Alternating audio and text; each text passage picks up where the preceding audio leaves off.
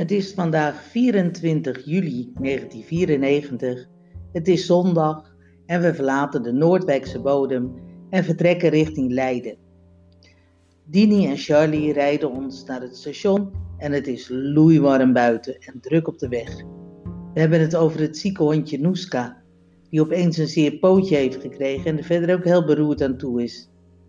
In Leiden kopen we kaartjes en beklimmen we het in staat van ontbinding, zei perron 4, naar de trein om iets over kwart, die om iets over kwart aankomt. We kiezen voor beneden in de dubbeldekker en gaan via Heemstede, Aardenhout, Slotervaart naar Amsterdam Centraal. We sjouwen ons een dubbele hernia aan de weekendtassen die echt niet te tillen zijn. De taxi wacht achter de fietsenberging en brengt ons snel bij de Amsterdamse vertrekterminal. Eerst even roken, naast het standbeeld van een soort godin met een wereldbol. Dan in de rij voor de inscheping en inmiddels is het half vier. Twee snelle jongens ontfutselen ons pasfoto's en niet eens op de boardingpas van de Amerikaners. Volgende snelle jongens, paspoort inleveren. Laatste snelle jongens en één dito meisje geven er ons in de plaats een boardingpas voor, voor de Amerikaners. We gaan dus aan boord. Een telefonische navraag op de dag had ons al geleerd dat we op de Washington dek nummer 20 moesten zijn. Dat Washington dek is, de centrale, is het centrale dek waarop je binnenkomt en onze kamer is naast de infodesk.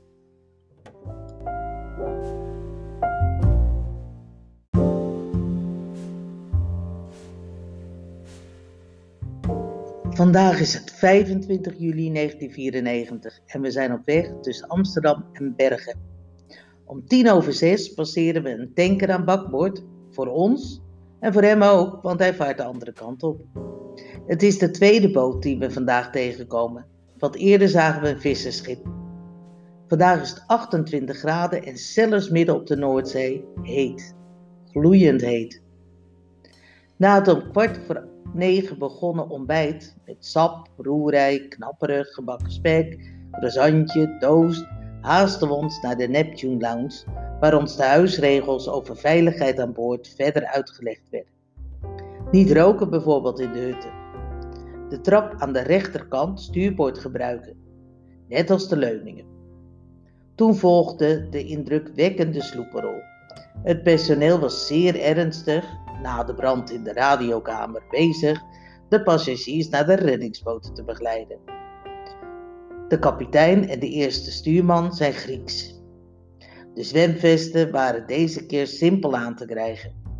Om 11 uur was de oefening ten einde en vertrokken wij naar het promenadedek, waar we tot de lunch lui op de stretches bleven liggen. De lunch, ook weer overvloedig in het aantal gangen, bijna voor hoofd- en tussengerechten. Er was een ananassap, tomatensoep, vlindertjespasta met roomsaus en zeevruchten, heerlijk. Gegrilde vis, gegrilde ham, een dessert van vruchtenschijfjes, appel, mango, meloen, sinaasappel en een bolletje maltakaas en koffie toe. Tot op de diverse delen van het schip naar een rustplaats gezocht.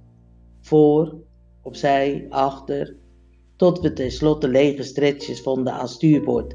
En daar zitten we nu als een uurtje of twee. Zo gaan we, en zou, we, zo gaan we ons aankleden voor het uh, Captain's Dinner, dat om kwart over acht begint. En het begint met een cocktail in de bar.